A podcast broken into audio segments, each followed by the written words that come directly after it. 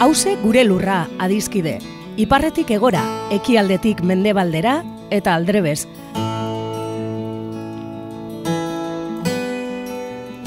Lurra bakarra dugu edo gaituen lur bakarra da hause. Eta zaintzat dan hori dagokigunez, hemen horretaz egingo dugu berba. Lurraren zaintza kontu ekonomiko, ekologiko eta politikoa da, baita kulturala, kolektiboa eta publikoa.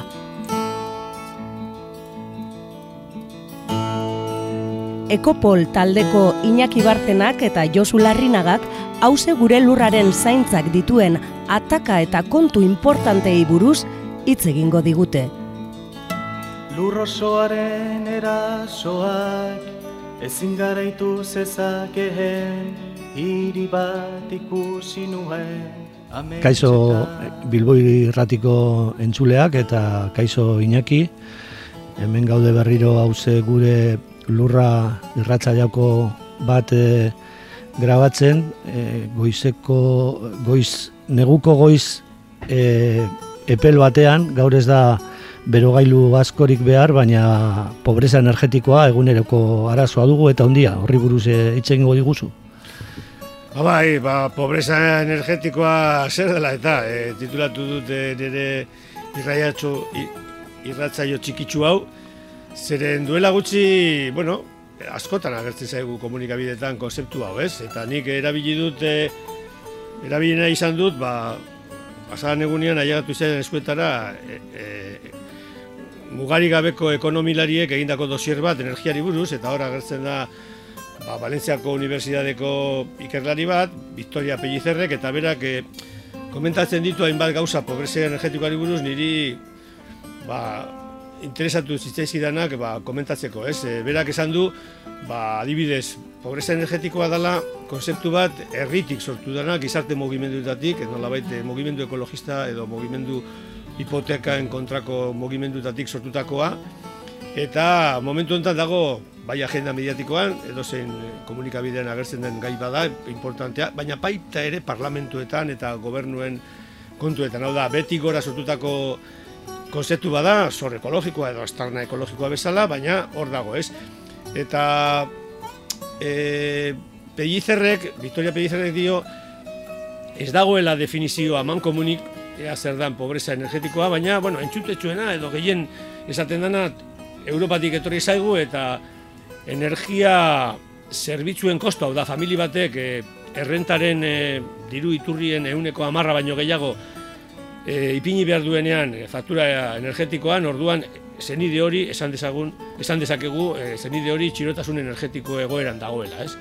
Hau da, zergaitik e, mm, gertatzen da, zergaitik gaur egun ikusten dugu adibidez Estado Espainiarrean, ba, edo Euskal Herrian berton, ba, familien euneko amarra, euneko mabosta, pobrezia energetikoaren egoeran dagoen. Bueno, hiru dira nola baite kausa nagusiak, bata da diru sarrera gutxi, bigarrena da etxe bizizaren egoera edo eragoen kortasun energetikoaren e, energetiko eskasa, ez alde batetik, ba, ba, ba, paretak e, e, txartu isolatuak dauden, edo, edo kristalak, edo teliatuak eta bar, Eta gero hirugarrenez energia presioen garestitzea, ez? Eta batzutan esan dezakegu maiz e, irurak agertzen da agertzen direla batera, ez? Horregatik e, Vitoria Pellizerrek esaten du, nolabait e, pobrezia baino gehiago zaurgarritasun edo vulnerabilitate energetikoa zitzegin beharra dagoela, ez? Hau da, ez da familiaren barneko egoera, ez da familiek sortzen duten problema, problematika bat, problematika ekonomikoa soilik, baizik eta kanpoko eragina edo nolabait e, egoera estruktural bati e, erreperatu behar diogun kontua, ez hau da, kauza estrukturala dira gorenak eta injustizia soziala da zio nagusia. Orduan, e, familia horiek ez dira bakarrik e, bueno, e, errekurso ekonomikoen falta, baizik eta bizitza duina antolatzeko baldintzarik ez daukatela, ez? E, zer dago jokoan, honen atzian? Bueno, jokoan dagoena da, nolabait, e, kontu importante bat, eta horretarako enpresa energetikoen oligopolioari, oligopolio esan du, esku gutxi batzuetan eskuetan dagoen negozioa begiratu, negozio horreni begiratu behar diogu, ez? Gaz edo elektrizitatearen zaltzaileak esklabo legoak nahi gaituzte, hau da, e, gure etxeetan edo lantoki txikietan egiten dizkiguten kontratuak, kontratu leoninoak dira. Zer nahi du leonino? Ba, nolabait e, Goliat eta Daviden artekoa. Nagusi nagusia direnak ipinten dute baldintza guztia ipintzen dizkigute eta guk onartu edo, edo ez onartu, baina ez dago besterik. Kontratu horiek ulertezinak dira, bai gazarena edo bai elektrizidadearena, aldaketak egiteko adibidez potentzia ba, e, oso zaila dira, eta e, enpresa hauek, e, claro, e, dituzten baloreak e, dira direnak, ez? Hau da, gaur egun, jendeak esaten du, bueno, pobrezia energetikoari aurre egiteko eredu energetikoa aldatu da. Adibidez, ba, e, auzo pobreetan, telatuetan, e, izalakutza fotovoltaikoak ipini behar dire. Hau da, auzo fotovoltaikoak e, pro, e, proposatu behar ditugu, bai, baina hori berdolari edo endesari edo resoleri esaio interesatzen. Hauei, interesetza izkioten gauza dira, alde batetik irabazia, lukroa, ez? Individualismoa eta kompetitabitatea. Hoi dira euren baloreak. Aldiz, nolabait gizarte mugimenduetatik planteatzen diren elkartasuna, sustengarritasuna, parte hartzea, eurentzako mozorro publizitarioak baino ez dira. Ez? Gure artean, e, ez dago kultura energetikorik zer esan nahi dut honekin. Ba, nolabait ez gara gauza e, gertatzen ari diren e, prozesu hoietaz e, jabetzeko eta ondorioak e, nabaria dira ba, nolabait, porresia energetika jauzi direnentzat, hau da, e, gaur egun gure artean, ba, hori, gizartearen euneko amarra, euneko amabosta, ba, egoera, osasun egoera arriskutzuan dago, e, eta osasun mentala edo buru osasuna bebai e, egoera larrian dute, etxe bizitzen degradazioa gerotan diagoa da, zor ekonomikoak dituzte, ez, ez dute asko, e, familio horiek ez dute asko, e, konsumitzen, baina CO2-ren e, izurketak gorantza doaz, ez? erabiltzen dituzten e, kontuekin. Gainera, claro, e, euren e, energia behar izan minimoak, e, oinarrizkoak, ezin dute azetu, e, eta bere egonezaren jokamolde berriak argia dira.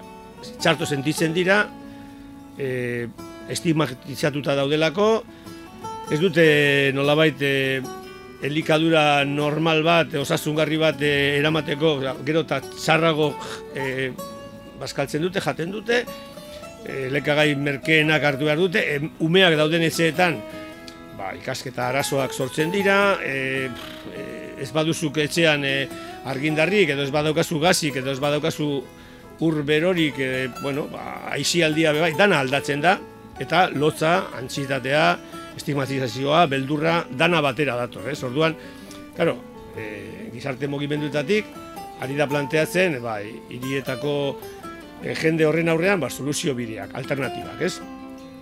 Nondi datoz e, soluzio bideak? Nire ustez, lotu behar dugu soluzio bideen proposamenak, lotu behar ditugu transizio energetikoaren parametroetan, hor plazaratu behar ditugu, zeren honek behar du aldaketa sakon, erreal eta sistemiko bat, hau da, partxeri gabekoa energia baldin bada e, diruaren truke erosten den zerbitzu bat ez dugu konpuntuko ezer. Hau da, energia giza eskubide bat izan behar da, horrela e, eta horrela e, ulertu behar dugu eta e, beste alde batetik eraldaketa energetikoa, aldaketa energetikoak ez dira bakarrik teknologikoa. Teknologikoak izango dira, baina baita ere e, aldaketa sozialak, justuak, ekologikoak, demokratikoak eta bar, hau da, aldaketa komplexu bat, ez? Eta horrek, nolabait pakete horretan, e, bueno, e, komplejutasun horretan jakin behar dugu, ba, aldaketa teknologikoak e, aldatu behar, e, izan behar dira, dudari gabe, adibidez, ba, lehen, ez? E, nolabait e, ikas desentzia alde batera utziz, ba, nolabait e, beste, beste bombilla nolabait desberdinak erabili behar ditugu, aldatu behar dira bebai azpigiturak, aldatu behar dira legeak, legeak, nola baite, eta hori parlamentuetan, eta hemen dago diagonalek ateratako beste e, dosier interesgarri bat ikusten, ba, nola baita, Katalunian, e, e, Madrilen, Andaluzian, parlamentu diferentetan proposatu diren e, pobrezia energetikoen aurreko ba, nola baita, arau berriak eta eta eta proposamen berriak, ez? Beste alde batetik, e, aldatu behar dira bebai e, e, zera, e, instituzioen baloreak eta enpresen jokamoldeak. Gauza guzti hauek e, ari dira gertatzen e, gure inguruan eta ari dira burrukatzen ere bai. Eta esan e, modu positibo batetan amalur e, e, handi honen e, leku anitzetan pobrezia energetikoaren aurka ari direla egiten gauza eta eta esperientzia asko, ez? Hemen Euskal Herrian baita ere. Orduan, e, bueno, ba, aldaketa guzti honetaz, bueno, ba, nola baita aldaketa e, teknologikoaz, e, aldaketa legalak eta azpigitura aldaketaz, konsumo kultura, bueno, banan-banan joango gara eta ikusten eta hitz dugu urrengo irratzaioetan. Eskerrik asko inaki, pare bat galderatxo edo edo aipu egingo dizut. E, Karpo Langi, e, merkatu kapitalistaren sorrera ikertzean, esaten du, nolabait, e, bueno, hori, merkatu kapitalista garatzen dela, merkantzia bilakatzen danean, lana, jendearen lana bera, bueno, dirua ere esaten du, eta gero lurra esaten du, bai, ezta? lurra merkantzia e, salgai e, bilakatzen danean, ezta? Baina segurazki gaur egungo ikuspegitik lurra oso konzeptu e, zabala da, ezta? Lurraren barruan nolabait edo komunak diren e, kontuen artean energia hor dago, ezta? Energia e, gaur egun energiaren sorrera eta banaketa e, merkatu pribatuan dago eta hortik dator e, galdera, ezta? No, energiaren sorrera eta banaketa izan beharko litzateke publikoa edo komunala, baina e, gizarte komplejoetan eta urbanoetan e, publikoa izan beharko litzateke? Bai, hori, ez da bai da hori adibidez oso interesantea da Brasilen, ez? Mm, Brasilen e, ekialdeko horra Atlantikoaren azbian, presal izeneko, bueno, zona geologiko baten, ba, Repsolek eta beste konpainia, petroleo, petroleo konpainiek e, topatu zuten ba, petroleo putxo handi bat, ez? Eta, claro, Repsolek hori aurkitu zuenean, ba, sartu du bere, bere, nolabait, bere kontabilidadean eurek disponibilitatean dituzten petroleo tonak, ez? Eta Brasilgo sindikatuek eta Brasilgo herri mugimenduek ez dute e, o petroleo enoso. Hau da, gurea da, petroleo hori. Hau da, kudeatu behar dugu modu publiko baten, ez esku pribatuetan. Ez da hori da ematen leku askotan. Hiri Hamburgon adibidez, ba, duela gutxi onartu zuten, e, ba, nola baita e, elektrizidaren sare, sarea, banaketa sarea, ba, publikoa bihurtu behar dela. Hau da, e, esku pribatuetara pasatu zen, baina berriz, bueltatu da, nolabait, e, bueno, Hamburgo iria da, baina hiri estadua da, nolabait, land horretara, e, nolabait, esku publikoek e, egin behar dute kudeak eta hori. Eta hori planteatzen da leku askotan. Nik uste dut, ez da hori, e, lotuta doa, nolabait, e, e, energiaren zerbitzuak modu, nolabait, e, giza eskubide moduan urertzen baldin badugu, eta ez balio komertzial edo, edo merkataritza e, kontu bat bezala, ba, nolabait, e, hor, nolabait, interes publikoak, interes aman komunak agertu behar dira, eta alde horretatik, horrez egaitik esaten nuen, legearen aldaketa gau da. Nik usteot, instituzio publikoek errekuperatu behar dituzte arloiek, nolabait, energiaren kudeaketa modu edo interes publikoan egiteko. Eta beste kontutxo bat inaki, e, 2000 eta amairuan, antropozenoko berro eta amairuan, E, kriston bero e, oldarraldia egon zen e, udan, jende asko hil zen Europan, batez be zaharrak eta eta Barcelonako area metropolitanoan gertatu zen e, zera, energia elektrikoaren e, zarea erori zela, ondatu zen, zeuden transformadoreak eta ez ziren, izango ziren zarrak edo, eta kriston hori apagoia egon zen, baina hori gertatu zen, etxe askotatik eskatzen zelako e, energia asko zurrupatzen zutelako energia asko, da, asko kargatu zen zarea asko eskatzen e, zelako etxetatik eta hori eskatzen zen aire egokituak e, funtzionamenduan egoteko. Ere goratzen naiz gure herrian e, bikote zar batek kontatu zigutela gero kalean, ba, ezin zuten beroa aguantatu etxean, eta dirua zutenez, e, bilbora etorri ziren hotel batean e, gau bat edo bi e, pasatzera. Ez da, da, nire galdera da, zer pasatzen da aberaztasun energetikoarekin? Kasu horretan, aberatzek aire egokituek daukatenek, hoiek zurrupatzen zuten, ez, eurek eskatzen zuten asko, eta hori dela eta zare osoa erori zen. Hau da, mundu guztia gelditu zen energiari gabe, egun pare batetan edo, eta leku zehatz batean, ez da, baina nola baita horre ere, e, konsumo aberaz bat e, zegoelako. Bai, horre, arrazoia duzu, horre, aberaztasuna eta eta pobrezia, txirotasuna batera doa. Dire, nola baita, txampon bereko alde bat eta ifrentzua, ez? Hau da, e, ezin dugu e, kuriosoa da, ez? Jendea pentsatzen du, ba, energia asko e, konsumitzen dugula, batez ere, ba, negu gorrian, ba, nolabait, e, lurtea direnean, bai, hor konsumitzen dugu. Baina bero handia direnean, ere bai. Eta batez ere, hirietan, ez? Eta gu ez gaude ohituta, baina, bueno, lantzean behin Bilbon e, ailegatzen garenean berrogei gradutara, ba, bueno, ikusten dugu energia gastoa itzela dala, ez?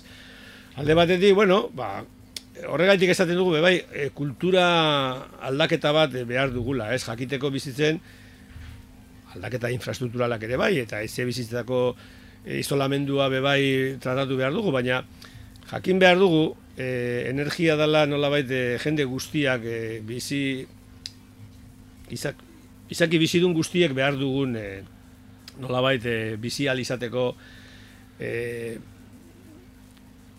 zera hori, ez? Hau da, e, ezin dela e, pentsatu, ba, nolabait batzuek e, dirua dutelako, edo errenta handiak dituztelako, edo rekurtzoa dituztelako, aldute nahi dutena e, gazteu, eta atxeti datorrena, ez, hori horregaitik bueltatzen gara aurreko e, aurreko zea, e, puntura, ez?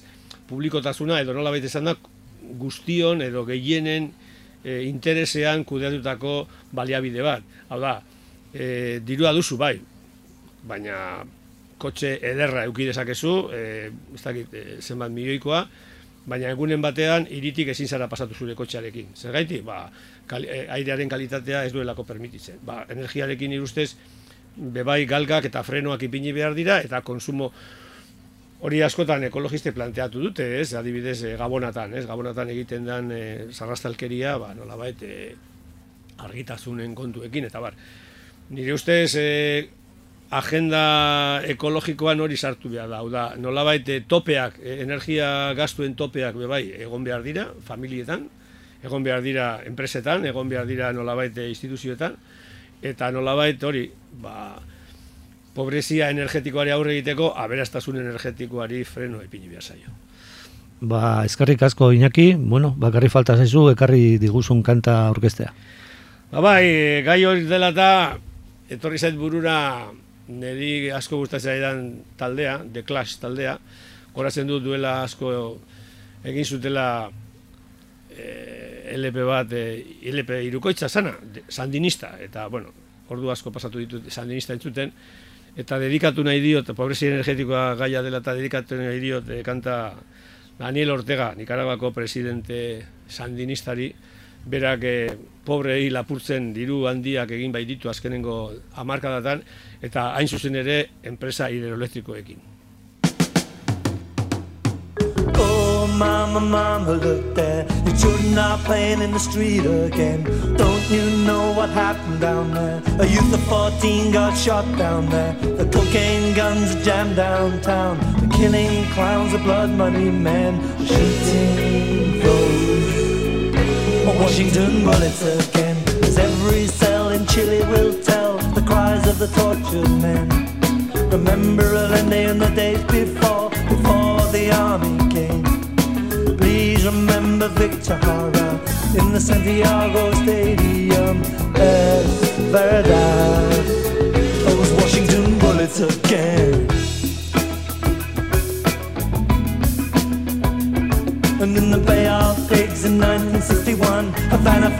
in the Cuban sun. For Castro is the color is a redder than red? Those Washington bullets want Castro dead. For Castro is the color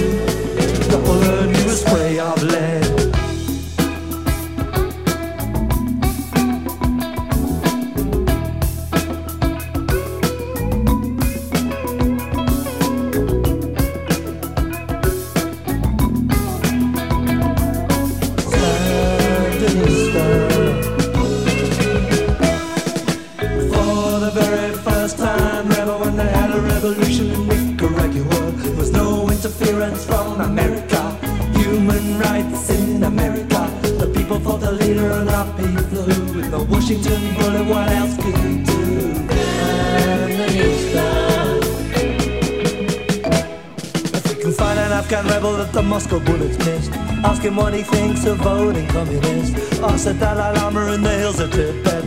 How many months did the Chinese get in a war-torn swamp? Stop any mercenary and check the British bullets in his armory.